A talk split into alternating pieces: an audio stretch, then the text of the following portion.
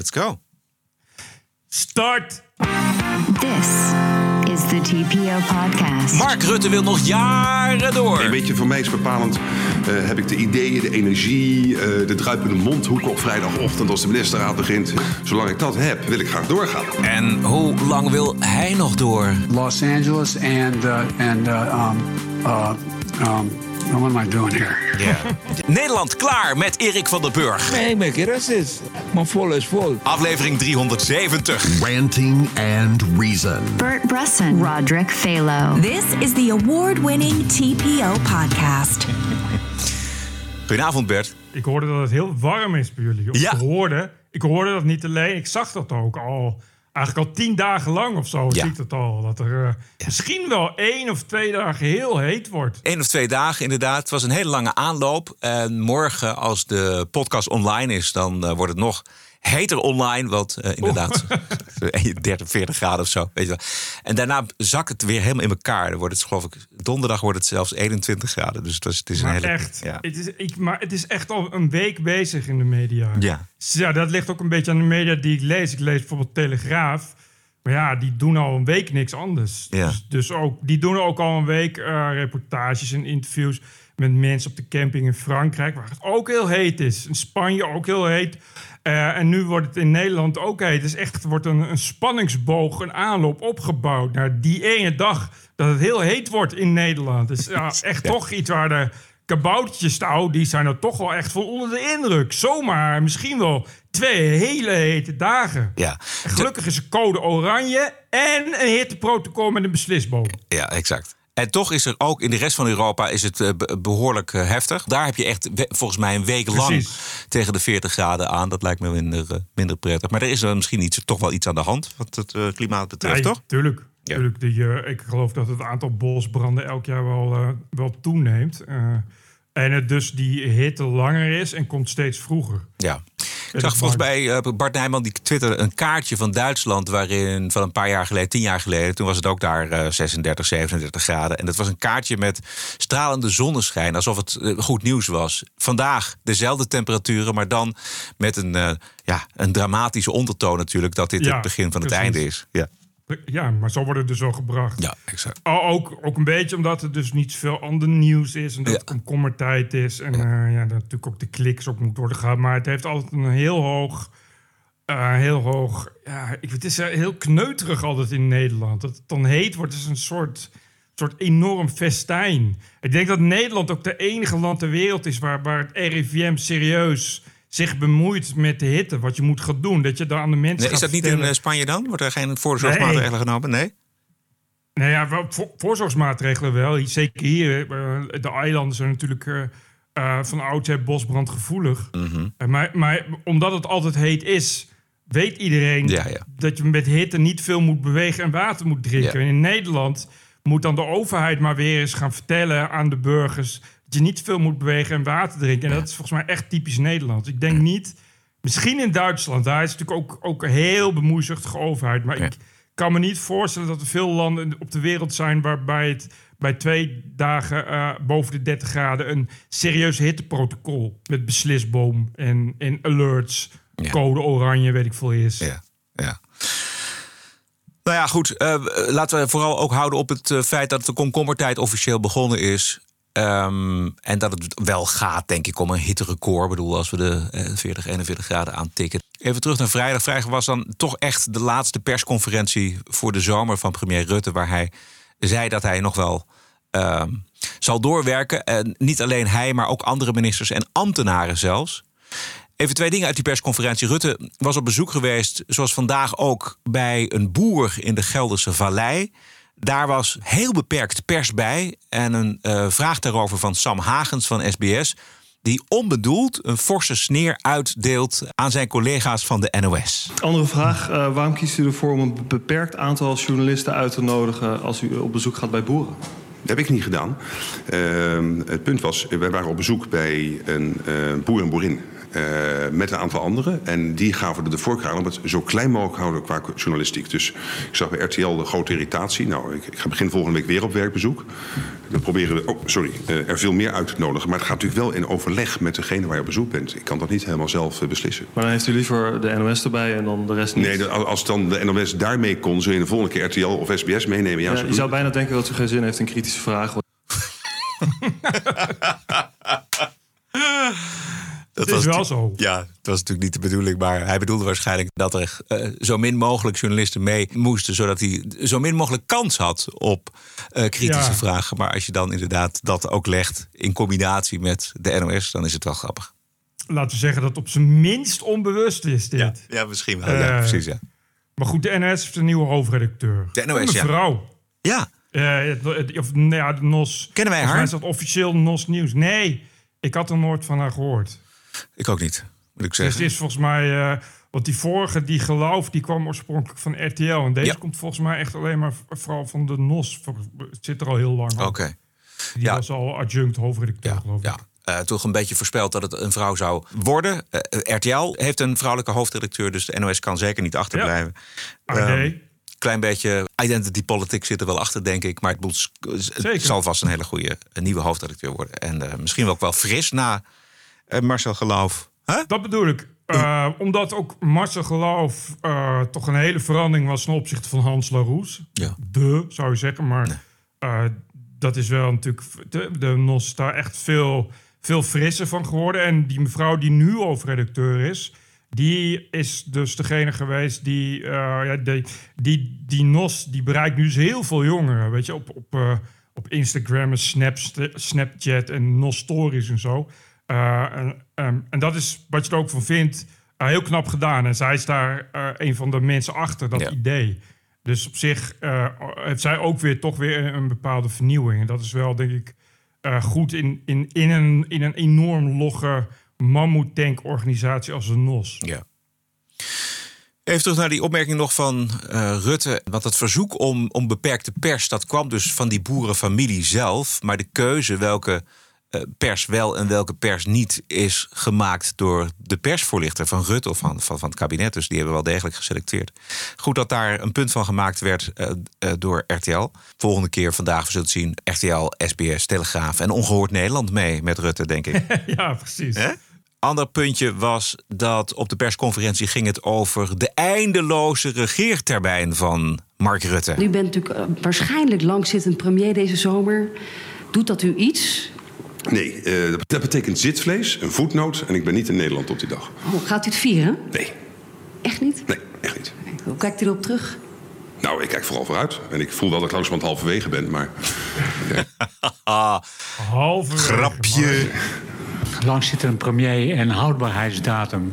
Eh, hoe kijkt u naar die twee eh, fenomenen? Nou, die houd- houdbaarheidsdatum is eh, in, een, in een hele reeks artikelen vanaf 2011, 2012 voorbijgekomen. Dus ik heb daarmee te leren, ik heb daarmee te, te leren leven dat die vraag af en toe wordt gesteld. Maar de, maar de grote vraag is: gaat die houdbaarheidsdatum u overkomen of bent u het voor? Geen idee. Geen idee. Ik, ik heb, een beetje voor mij is bepalend. eh, heb ik de ideeën, de energie, eh, de druipende mondhoeken op vrijdagochtend als de ministerraad begint. Hup, We gaan aan de slag, problemen oplossen. Zolang ik dat heb, eh, wil ik graag doorgaan. En, en dan is er altijd zo'n moment, een half jaar voor de verkiezingen, dat je echt even jezelf eh, op de pauzeknop drukt en gaat zitten van hé hey Rutte, weet je het echt zeker? Heb je die energie ook weer vier na de verkiezingen? En dan moet je volgens je partij bellen. Vinden jullie het leuk als ik doorga? Nou, hoop je maar dat ze ja zeggen. En, en, en als die partij dan ja zegt, dan moet je nog Nederland bellen. Dat doe je dan op de verkiezingsdag. Je hebt al die jaren nooit iets gehad van. En nou heb ik het wel gehad. Nee, geen seconde. Nee, ik vind, het, is, het is de mooiste baan van de wereld. Een ongelofelijke eer. Eh, ik moet wel zeggen, het aantal puzzels wat nu op bureau ligt... is wel eh, behoorlijk eh, in omvang. Maar ja, dat zijn ook dingen die gebeuren. Hè. Ja, kwijlend aan de slag dus voor eh, Nederland om de problemen op te lossen. Hoorde je dat? Erg blij dat de problemen nu opgelost gaan worden, kennelijk. Wat ik vooral hoorde was dat hij gewoon wil blijven doorgaan tot till the end of time. Ik bedoel, als de Ja. VVD voor hem kiest en eh, er is geen andere keuze, dus ja, waarom zou de VVD niet voor hem kiezen? Plus, hij wordt alsnog de grootste, al is het met de hakken over de sloot, dan blijft hij tot in lengte van jaren blijft hij de Nederlandse premier. En ik heb het gezegd, Rutte heeft geen ambities richting Brussel. Hij wil eindeloos premier blijven. Nog twee bekentenissen. Dit is tijdens een zwaar debat met Geert Wilders. Ik uh, meen zijn laatste motie van wantrouwen. Daar zegt hij ongeveer hetzelfde. Ik heb in de afgelopen 10,5 jaar volgens mij laten zien... altijd bereid te zijn voor dit land moeilijke problemen op te lossen. Samen met ingewikkelde coalities en meerderheden te creëren. En ik wil daar dolgraag de komende jaren mee doorgaan. Nog jaren ermee doorgaan. Jaren, hè? Jaren. Ja. En dit is mij jongsleden op een vraag van Sophie van Leeuwen van BNR. Maar u zei iedereen twijfelt wel eens, dus ook u. U twijfelt ook wel eens. Ik ben twijfelt wel eens, ongetwijfeld, ja. Ik heb het over uw baan, hè? over uw rol als premier. Ja, en daarvoor geldt natuurlijk dat ik uh, steeds in de aanloop naar verkiezingen mezelf die vraag uh, moet stellen. Dan uiteraard mijzelf uh, met de pet in de hand, zoals ik dat eerder benoemd heb, naar de kiezer ga. En vraag om vertrouwen. En ik heb dat vertrouwen opnieuw, althans bij implicatie, want dat is natuurlijk mijn partij, maar ik was de lijsttrekker van.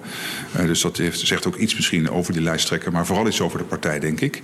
gekregen in maart 2021. En mogelijk doet ze dat weer voor in 2025 uiterlijk. We gaan het zien. Ja, zie je? Ping. Ping. Ja.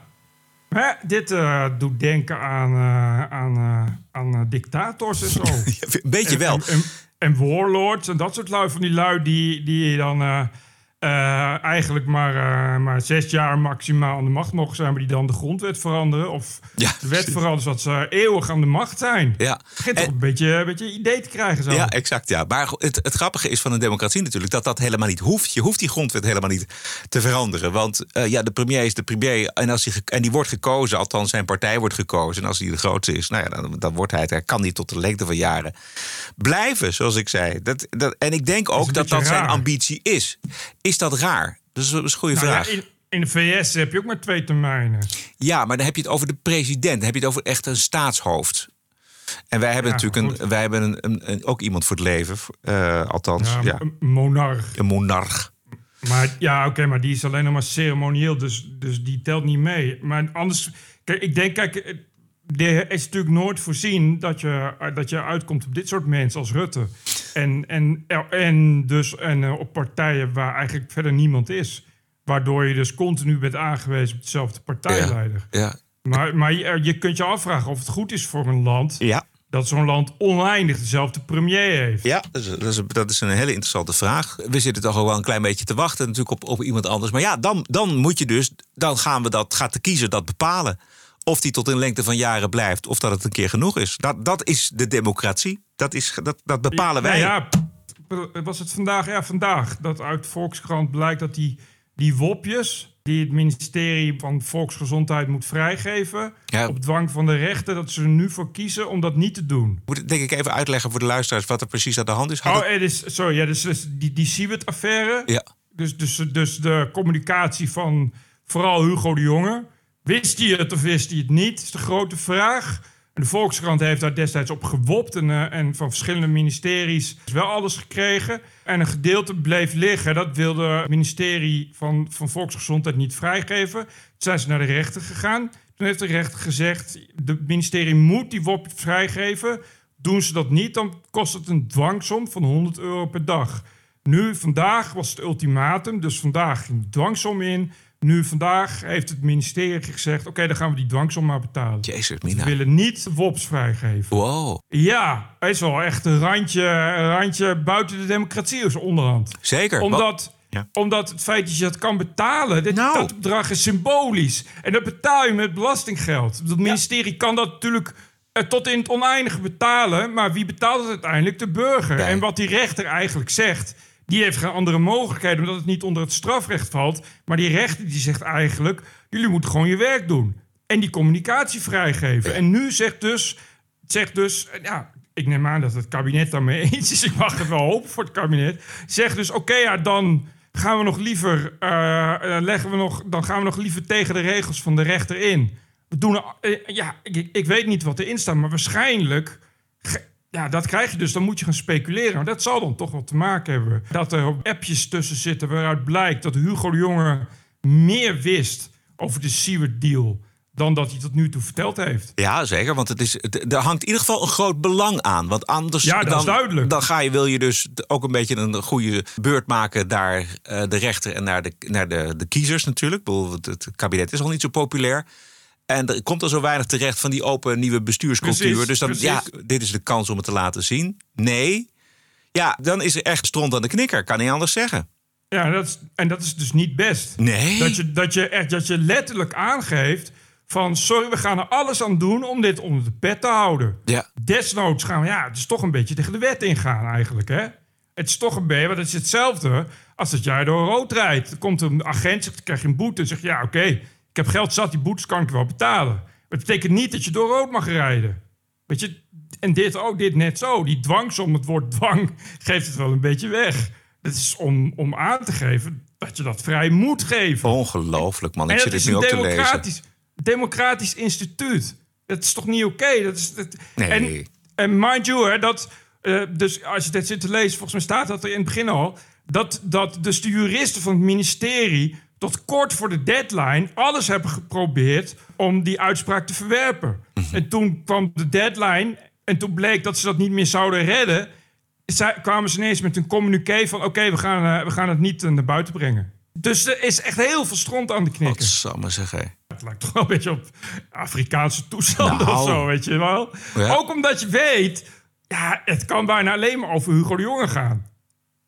Dat is het enige belang wat erin staat. Want het zijn verder, eh, verder eh, appjes die gaan over de communicatie van die Siewert-deal. Dus het Ja. is niet dat er verder staatsgeheimen in staan. Dus het kan alleen maar zijn dat daar... of ja, het kan bijna niet anders dan... Dat er, dat er Hugo de Jonge is natuurlijk het meest voor de hand liggend... of een ander kabinetslid... die, laten we zeggen, op zijn minst ernstig in verlegenheid wordt gebracht. Dat het zo ernstig is dat het ja, dan de val van het kabinet zou betekenen. Ja. Dat is, ik vind het echt... De teller staat sinds zondag op 15.000 euro. Het maximumbedrag. Dus dat is inderdaad een symbolisch bedrag. Ja, maar de, de, ik geloof dat de Volkskrant kan nog in een soort van hoger beroep gaan. En volgens mij kan het zo zijn dat dan ja, je uiteindelijk iets met die dwangsommen kom je uiteindelijk wel uit op, op dat je lui kunt gijzelen. Maar ik weet niet of dat allemaal hier ook van toepassing is. Wat is nou het argument van de overheid? Zit ik even te lezen. Ja, dat, nou, dat is dus het mooie. Dat is het dus niet. Ze hebben dus het enige wat ze hebben gedaan is, is, is een persbericht versturen van eh, we, we staken ons verzet, we gaan het niet vrijgeven. We kiezen ervoor om de dwangsom te accepteren. Zonder argumentatie dus. Ja, argumentatie dat, het niet, dat we het niet vrij willen geven. Maar goed, dat is natuurlijk geen argumentatie. De VWS zegt in augustus een besluit te nemen over de vrijgave ervan. Dus ja, Amahula. Want die communicatie ligt dus ook al heel lang bij Deloitte. Ja. Waar, wat al eh, zoveel tig miljoen heeft gekost trouwens, het onderzoek.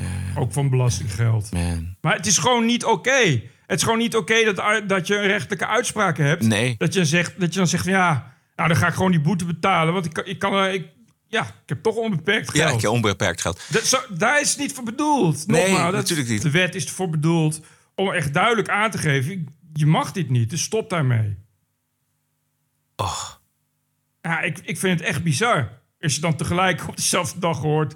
dat Rutte nog honderd jaar wil aanblijven... Ja, ja, dan denk je wel van... Ja. Hè, je vraagt je toch af eh, hoe ver, tot hoe ver die lui straks bereid zijn om, eh, ja, om aan te blijven. Want Ja. het, het, het kan bijna niet anders dan dat het gewoon zo schadelijk is voor het kabinet dat het, dat het een onhoudbare situatie wordt. Ja, zeker. En dan krijgen we misschien wel, eh, tot ons grote verrassing... als we kijken naar de opiniepeilingen... dan krijgen we BBB op 1 en Yep. ehm, Pieter Omtzigt op 2. En als je daar dan eh, ja 21 bij doet... en misschien nog een paar partijen... dan kom je misschien wel op een ehm, meerderheid. Ja, ik heb al zitten rekenen, maar dat is wel... Want kijk, Pieter Omtzigt is nu niet meegenomen in die peilingen. Oh, ik dacht van wel. Dus, dus al die proteststemmers, Ja, ja, die die, worden die gaan naar, naar, nu nog naar BBB. Maar wat ik wel echt belangrijk vind, is dat eh, op het moment dat je, eh, wat Maurice de Hond doet, op het moment dat je mensen vraagt, ah, waar gaat nu voorkeur uit, is natuurlijk iets anders dan stemmen. Maar dit is ongelooflijk, jongen, wat hier inderdaad gebeurt. Eh, dit Ja, is, komt toch weer ook op het konto van het negatieve konto van de nieuwe bestuurscultuur. Hoe bestaat het dat je dit voor elkaar krijgt, dat je dit bedenkt? En dan ook inderdaad, want ik kom het nergens tegen, zonder argumentatie. Je zegt niet Ja, dat eens, kan toch niet? we moeten de privacy beschermen van, da, van die en die en die. Dat, dat zou nog een, eh, een opmerking kunnen zijn. Maar blijkbaar vindt de rechter dat ook helemaal geen, niet zwaarwegend. Potverdorie Nee, dat, dat is het allerergste. Dat die, die wetten die zijn nog niet zo heel lang. Die zijn juist in het leven geroepen om die privacy dus, dus te waarborgen. Of die eh, transparantie te waarborgen. Omdat het vroeger dus inderdaad zo was dat die nu een wop in. En dan zeiden al die lui van, nou ja, we gaan, we gaan wachten en weet ik veel wat. Het kost gewoon te veel moeite. Nu is om die stok achter de deur te zetten en die lui te dwingen. En dan uitgerekend doe je dit. En inderdaad, wat je zegt, als je dan nog zegt van ja, vanwege de staatsveiligheid of, of, of, uh, of zwaarwegende belangen, landsbelang. Nee, nee, nee. Ja, we willen tot augustus wachten. Ja. Ook slecht voor de naam van die Lloyd trouwens. Oeh. Ja, dat snap ik ook niet. Dat zat ik ook altijd denken. Dan moeten toch mensen zijn bij Deloitte die zich dan ook op een gegeven moment op hun achterhoofd gaan krabben. Ja, dat is gewoon een onafhankelijke accountant. Die moet gewoon cijfertjes rekenen en dan zeggen van dit klopt, dat, dit klopt wel, dit klopt niet. Al door die enorme lengte uh, van dat onderzoek laten ze de verdenking op zich dat ze er ook mee lopen te, te klooien met die cijfers. Nou ja, in elk geval dat ze, dat ze zich toch, laten we zeggen, een beetje laten omkopen. Ja. Ja, de, want, dat, dat dan, want zij, Deloitte hè, zegt van ja, maar goed, we hebben, we hebben meer tijd nodig. Terwijl ja, ik denk dat van volgens mij is dat gewoon bekokstof met het ministerie. Die zeggen van hier heb je nog een paar miljoen erbij. Hou ook nog even een maandje, maandje uit, de, uit de media. Maar ook het lef van het kabinet om het zo en het ministerie om het zo achter te houden. Daar moet je dus ongelooflijk veel lef voor hebben om een een uitspraak van de rechter zo te negeren. Terwijl ze de andere uitspraken van de rechter als het gaat om stikstof of om het klimaat of wat dan ook gewoon gedwee volgen. Sterker nog, dat denken ze blij, uh, we kunnen aan de slag. Uh, dit heeft de rechter gezegd. Hoog van de toren blazen over de rechtsstaat, maar dit gewoon negeren. Precies, maar dit bedoel ik dus. Je, dit is echt een, een betere middelvinger naar de rechtsstaat kun je niet maken. Ja? Uitgerekend het kabinet en een ministerie dat dan zegt van nou, we hebben gewoon scheid aan die uitspraak van de rechter. Want ik kan het betalen. Ja, je, alsof het daarom gaat. Natuurlijk is dat een symbolisch bedrag. Waarom? Ja, om, omdat het belachelijk is om daar een miljoen per dag voor te vragen. Omdat toch niemand dat kan betalen. Natuurlijk is dat een symbolisch bedrag. Omdat het niet in het strafrecht staat. Wat het misschien wel had moeten staan. Weet je wel? Ik bedoel, ja, ja dat komt niet lekker uh, terecht op het bordje van onze geliefde minister. Ja. Ja. Nou, dit moet toch ook uh, de goodwill in de coalitie een flinke trap onder zijn hol geven. Dat kan toch niet anders? Dit kan toch niet? Nou. Dit, dit, kan toch niemand? Dit kan een, een rechtgeaarde christelijke partij als de ChristenUnie toch niet. Ik zou toch uh, denken, je zou dat stand denken, houden. Uh, dat, dat, dat Gertje als Segers nu toch wel uh, een, een gewetensprobleem heeft. en ja, ik, ik, ik snap gewoon niet. Het, het voelt gewoon heel dictatoriaal. Ja, zeker. En, in combinatie met die woorden van Rutte... dat hij nog tot, tot, lengte van juist. jaren wil blijven regeren over Nederland. Ja, juist. Ik zie, ik zie dat toch. Allemaal, allemaal militaire petten met, met spiegelende zonnebrillen voor me ineens. Weet je wel? Ja. Uh, leiders die zichzelf uitroepen tot nieuwe leider voor eeuwig. Uh, maar ik vraag me af dat misschien... Je zou toch denken dat het toch ook wel nu uh, ambtenaren, of ook wel medewerkers van Deloitte al helemaal zijn, die, die dit gaan lekken. Dat mag toch eigenlijk wel ja, inderdaad. Dat wordt er daar hoog tijd voor. Come on! Er wordt zoveel gelekt. Ja, precies. Bedoel, uh, heel Nederland is lek. In... Waarom kan dit dan niet lekken? Kom op zeg. Info at tpo.nl Ja, wij uh, gooien het wel online. ja hoor, anonimiteit gegarandeerd. Kom maar op. TPO Podcast. Dat zeg ik. De TPO-podcast twee maal per week op dinsdag en op vrijdag. Luisteren en steun ons. Ranting and Reason. Ja, wij willen ook wel eens een aflevering maken van de TPO-podcast... zonder staatssecretaris voor asiel en migratie Erik van der Burg.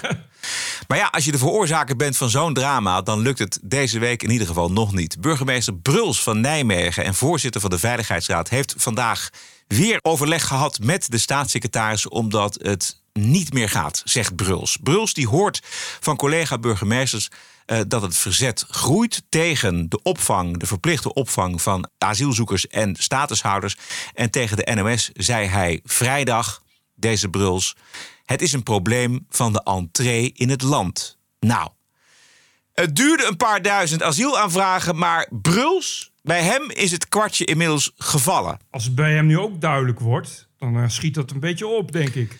Erik van den Burg daarentegen die zei dit weekend in Trouw doodleuk... en dat een meerderheid van de Nederlanders vluchtelingen gewoon wil blijven opvangen. Want hij zegt dan, dan denk ik, ja, jongens, dan moet je dat ook met elkaar regelen. En dat is natuurlijk een handige leugen van deze Erik van den Burg. Want Nederlanders die zijn inderdaad gastvrij en tolerant. Dus vluchtelingen prima. Maar door het pushen van mensen die helemaal geen vluchteling zijn... en die eindeloze instroom, heel gek van de Burg... daar zit een grens aan. Zelfs bij de Nederlanders. En jij bent eigenhandig die grens aan het overgaan...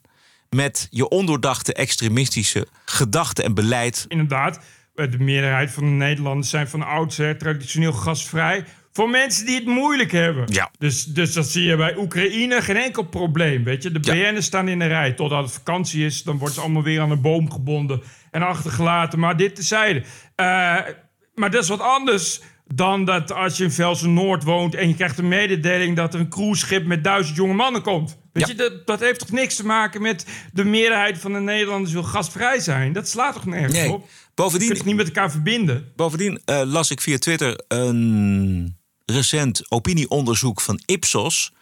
Ja. eh, dat nog maar een kwart van de Nederlanders voor het voortzetten van het huidige beleid is. Dit is een heel klein stukje uit een reportage van Up Network Nederland. van de Hindoestaanse Nederlander Sashi Roperam.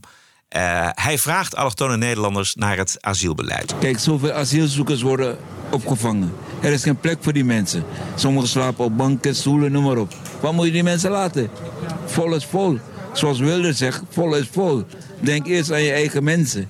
En dan ga je verder denken. Maar dat, dat mag u niet zeggen natuurlijk. Hè? Waarom mag ik dat niet zeggen? Als u dat zegt, dan bent u een racist. Nee, ik ben geen racist. Maar vol is vol. Als je plek hebt, laat maar komen. Heb je geen plek, dan houdt het op. Snap je? En je hebt geen plek. Ja. Eh, mensen, Nederlanders kunnen gewoon rekenen. Ja, het is, het het Nederlanders zijn in één ding heel goed en dat is nuchter boerenverstand hebben. Ja. Er zijn ook heel veel boeren, zoals je merkt. Eh, en en die, die kunnen inderdaad heel makkelijk bedenken dat als er geen plek is, dan is er geen plek. Je, je kan daar niet, ja, er is geen plek. Ja, maar het moet toch. Ja. Er is geen plek, zei ik net. Ja, nee, maar het moet toch. Ja. Het is dus vol, gast. Nog een klein stukje van Up Network Nederland. Kijk, want als er een andere uit een ander land komt, dan moet hij die papieren regelen, moet hij dat regelen, moet hij dat doen. Maar dat gaat allemaal niet, jongens. Dus haal daarmee op. Dat gelul van die en die en zielig mensen zielig vinden en alles. Nee, dat gaat niet, dat werkt niet. Precies.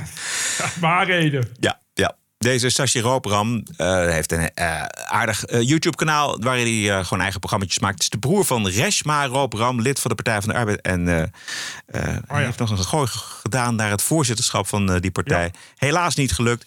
Ja, die rookprogrammetjes, dat zijn eh, ja, typische Hindoestanen. Ja. Dat is net als Chinezen. Het is, is een volk waar er best wel veel van zijn. Waar je nooit wat over hoort. Waarom niet? Omdat ze gewoon eh, naar Nederland komen en dan eh, graag hard werken en, en weet ik veel wat. Weet je? Dat is is echt zo'n, zo- ja, wat ik zeg net, de Chinezen. Het is zo'n zo'n typisch zo'n volk. Waar, waar echt nog nooit iemand ook maar, ook maar minimaal last van heeft gehad. Afgelopen week eh, tranen met tuiten moeten lezen... over het vertrek van columnisten Bert Wagendorp en Sheila Sitalsing... bij de Volkskrant. Tranen met tuiten. Ja, het was allemaal vreselijk. Het, het, het was allemaal heel Oh. erg dat ze vertrokken. Dat, dat, Oh, dat ik was... dacht dat het een nationale feestdag was. De anderen, die ik dan vooral lees, dat zijn dan dat. Ja, die hadden het over twee monumenten die weggingen bij de Oh. krant. De grootste journalistieke aderlating die Nederland de afgelopen 50 jaar Oh, getroffen heeft. Zo, ja. zo las ik dat. Man, man. Wat is dat toch? Het, het gaat, het, hè? Ik bedoel, columnisten komen en gaan. En vroeger was dat best Ja. wel. eh, ja, ik bedoel, toen Blokker ermee ophield. of toen Blokker van de Volkskrant naar NRC ging. dat was nog wel, eh, dat was nog wel een dingetje. En Renate Robinson was wel een dingetje natuurlijk. Maar ja, Ja, maar Hugo Brandt Kostjes was ook nog wel een dingetje. Maar ja, op een gegeven moment, nu zijn er zoveel columnisten. En Ja. ja, Bert Wagendorp en Sheila Sitalsing. Zij is een heel belangrijk deel van het linkse geweten van de Volkskrant. Met haar eh, voorliefde voor het vrolijke midden bij de VVD. Volgens mij, zoals Erik eh, van den Burg en Sophie Hermans. Om maar twee succesvolle VVD'ers te noemen. Eh, dat was, ehm, wij hebben dat uitgezonden. We hebben geluisterd toen naar de podcast Oh, ja. De Kamer van Klok. Hoofdredacteur Pieter Klok. En daar zat eh Sitalsing. En die zei dit. Sophie Hermans is binnen de VVD een exponent van ehm, het wat vrolijkere, een beetje het vrolijkere midden. De VVD is nu ook in een positie dat ze dat wat vrolijkere midden proberen eh, uit te dragen. Ja. En dat ze ook allerlei verantwoordelijkheden nemen die ze altijd hebben ontlopen. Van stikstofdossier tot inkrimpen Schiphol eh, enzovoort. Tot asielbeleid, waar ze nu ook al een, een veel vrolijker iemand van het midden op hebben neergezet. Vrolijke Erik van den Burg. Vrolijke beelden uit de opvangcentra van Nederland. Vrolijke Ja. beelden uit Velzen Noord, et cetera. Dus dat is onvoorstelbaar. Ja, ik vind haar wel echt kleur bekennen. Vroeger zat je een Ja, beetje te zoeken ja. nog van... Wel, ja, wat vindt ze nou eigenlijk... en welke politieke zuil behoort zij toe? En dat blijkt dan toch wel echt wel de linkse zuil te zijn. Ja, maar zij is toch... Kijk, het probleem... en dat is natuurlijk ook wel een probleem in die linkse zelf... van de Volkskrant... ehm, dat, dat ze worden steeds bozer. Ja. Ze, ze wordt steeds... Weet je, echt toen, eh, toen Johan Derksen was gecanceld... kreeg je echt een jubelcolumn. Ja. Dat het revolutie is, hoera! Zo dat je denkt van... Goh, het is allemaal... Ze worden allemaal uiteindelijk weer net als Hugo Brandt Korstius. En dat, is, dat, dat die Aaf dat, eh, en, en, eh, en, die, en die gekke broer van haar dat hebben... dat snap ik. Maar dat, is, dat past heel erg in dat... Het is dat, dat linkse rancuneuze. En je voelt dan altijd steeds meer... altijd net iets meer rancune elke dag. Over gewone mensen. Die moeten gewoon niet te veel vinden. Want dan worden ze toch wel heel boos... bij de, bij de linkerkant van de Volkskrant. Het is natuurlijk een elitaire krant geworden. De Volkskrant. Ja, maar goed, het is wel opvallend dat ze nu eruit worden gegooid. Want dat is wat je zegt. Ja, wordt niet uitgegooid. Eh, Volgens mij is het nou, gewoon klaar en hebben ze geen zin Ja, meer. ja. Nee, maar dat het stopt, het kost wel, eh, kost wel lezers, denk ik. Ja. Want die Loes Rijmer stopte ook mee. Oh ja? Als, als columnist, ja. Die is, die is ook gestopt als Oké. columnist. Bij Martin Bril was dat toch anders. Dat was toch... Ja, nou, nou nu echt een hele goeie zeg. Wow. Ja, maar goed, die... Maar dat was meer een chroniqueur echt dan een, dan een echte Ja, columnist. daarom. Ja. Dus dan, dan blijft het misschien ook meer bij. Is die Talsing en, en eh, Wa- Wagendorp, maar die doet het wel heel lang, deed hij het, hè? Ja. Ik heb een podcast van hem geluisterd. Ik had geen trek om daar een stukje uit te halen. Maar ik hoorde een podcast van, van hem. Want hij, maar de, eh, vertelde hij dus dat... En dat vond ik wel van realiteitszin eh, getuigen. Dat hij zei, ja weet je... Wat is een goede column? Je hoort van lezers altijd van... eh, het is een goede column of het is een slechte column. Maar het heeft altijd te maken met of iemand zijn mening bevestigd ziet. Weet je, het heeft helemaal niks Ja. te maken met of het stilistisch goed is. Eh, Ja. En je hoort nooit dat iemand zegt... ja, het is een goede column, ik ben, maar ik ben het er niet mee eens. Dat, dat hoor je Nee, nooit. precies. Ik hoor het ook nooit. Prima. Ja. ja. Maar dat is wel het lot van de columnist. Ja. Ja, exact. De columnist die, die nog zijn lezers een spiegel voorhoudt... is een beetje, beetje passé eigenlijk. Ja, ja. Goed. Aanstaande vrijdag natuurlijk weer de Wokweek. In de TPO-podcast op vrijdag, de Wokweek. Ook in de wiskunde valt nog genoeg te decoloniseren. Het absurdisme. You're an adult, grow up, deal with it. De terreur. Everything woke shit. En het verzet ertegen. This cancel culture is gonna end, end, end. De Wokweek in de TPO-podcast op vrijdag. Twee keer per week de TPO-podcast op dinsdag en op vrijdag. Twee keer per week. Ranting and Reason. Al vijf jaar lang op dinsdag voor noppes. En dat blijft ook zo. Maar de vrijdagshow is nu exclusief voor leden. Voor 4 euro per maand of 40 euro per jaar. De TPO-podcast. Twee keer per week en maar één keer betalen. Elke week de vrijdagshow voor maar 4 euro per maand. Keep the show running. Ga naar petje.af slash TPO-podcast. Don't miss. Yes. Niet te missen. Ga naar petje.af slash TPO podcast. Een paar bonusquotes eigenlijk van de huidige Amerikaanse president Joe Biden. Want ehm, we hebben eerder enorm gelachen om de versprekingen van George Bush, zoals deze. And there is no doubt in my mind that we will fail. Ja. En George Bush, die had een uitzonderlijk talent om op het juiste moment de verkeerde dingen te zeggen. Maar Joe Biden is veel pijnlijker en veel zorgelijker, omdat hij te oud is eigenlijk voor het presidentschap en gevaarlijk in de war is. Eh, En toch is het ook een klein beetje om te lachen. The best way to get something done, if you if it holds near and dear to you that you uh, um, like to be able to. Anyway, from from uh, uh, Char, excuse me, from Charlotte, one and another line going from in, in Florida down to Tampa. Ja, het is ongelooflijk. wat die Ja, het, midden in een zin is hij het gewoon kwijt. Het, en, en soms dan lees je een stukje van de autocue. En dan eh, is hij het kwijt. Ja, dat is dan... Nou ja, goed. In ieder geval, ik heb nog een paar. Of Putin's kleptocracy. Uh, yeah. Ja. Kleptocratie. America is a nation that can be defined in a single word. I was going to put him. Uh, put, put, the idea that um, Los Angeles and uh, and uh, um, uh, um, what am I doing here? Ja, is toch wel. Ja, ja ik, ik las ook wel echt artikelen dat het er wel echt al serieus zorgen zijn. Hij is al bijna 80, geloof ik. Ja, nee, maar, nee, maar los van zijn leeftijd. Hij heeft ook een hersenoperatie gehad. Eh, Oh, daar, ja? daar weet ik niet het fijne van. Maar dat, dat is inderdaad in het verleden gebeurd. En als je het vergelijkt dus met zijn uitspraak van een aantal jaren geleden... is dat verschil echt gigantisch. Ehm, precies, ja. Het is pas in 2024, dus dat is ehm, nou, over ruim, ruim twee jaar. Maar over een jaar moeten ze volgens mij de Democraten inderdaad komen met, met iemand. Ik denk niet, ik kan me niet voorstellen dat Biden nog een keer gaat. For two reasons. One, to here's what drives the driver uh, in the states that are affected.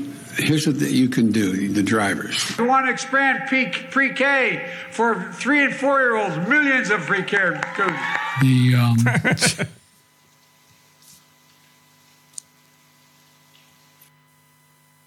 Het blijft het gewoon stil. Ja. En wij zien dat allemaal niet natuurlijk, omdat dat allemaal Amerikaanse televisie is. En, dat, nou ja, goed. Maar dit Ja. is, en ik geef toe, natuurlijk heeft hij ook eh, goede presentaties. Maar dit zijn, als je dit achter elkaar ziet, dan denk je: mijn hemel. Dit is dus de man. Ja, die niet alleen de Amerikaanse president is, maar ook, ook eh, de, de leider is van het Vrije Westen. Ja. En ons moet beschermen tegen Rusland en China. En dat is wel, ik bedoel, daar was bij Trump eh, altijd alleen maar ophef over. Ja. Van Trump, Trump aan de, Ja, aan de rode precies. knop. Ja, Maar ik, bij Biden geldt dat net zo natuurlijk. ja dat, bedoel, je, de- wat je hier hoort. En eh, waarschijnlijk als je het ziet, dan maakt het nog meer indruk. Ja, het, ja, zeker als je het Ja. ziet, het maakt heel veel indruk. Nee, maar het is klopt wat je zegt. Want eh, Trump werd natuurlijk eindeloos al gezegd dat hij ongeschikt was als president. Ja. En dat had allemaal met zijn karakter te maken en met allerlei andere zaken. Dat hij opvliegend was en dat hij geen manieren kende. En dat hij, nou ja, goed, het allemaal het ambt niet in zijn vingers had. Maar dit is minstens zo gevaarlijk en, en ernstig Ja. natuurlijk. En daar lezen we helemaal niks over in de Nederlandse media. Bijna niks. Als morgen Poetin raketten lanceert en dan is het dan midden in de nacht. Stel je voor, dan moet je dus Biden wakker maken. Ja. En die moet dan in, in, in een split of a second, je hebt echt minuten, moet hij daar gefundeerde beslissingen van. Ja. Beslissen of je terugvuurt en op wie en waar. Ja, dat zijn allemaal dingen waar je een heldere, stabiele geest Ja. voor nodig hebt. Daar valt genoeg over te vertellen. Ja. Dan, is het, dan is het stil. Dan denk ik van ja, Ja, precies. Goed, elke dinsdag en vrijdag online via je favoriete kanalen. Vergeet je abonnement niet voor de aanstaande vrijdagshow en alle vrijdagshows. Je steunt de TPO-podcast ook al voor minder dan 50 eurocent per aflevering. 4 euro per maand. Je krijgt daarvoor twee keer per week de podcast eh, en de vrijdagshow natuurlijk met de one and only Wokweek. Ondersteunen doe je dus met petje.af slash TPO-podcast. Doe het nu, want anders vergeet je het misschien en dan is het te laat voor de vrijdag. Petje.af slash TPO podcast. Heel veel dank. Stay cool. En tot vrijdag. Nu al zin in de vrijdag, Bert. TPO Podcast. Bert Bruson, Roderick Balo, Ranting and Reason.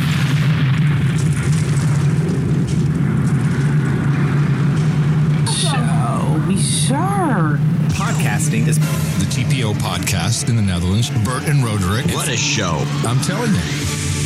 Keep the show running. Go to tpo.nl slash podcast. Thank you.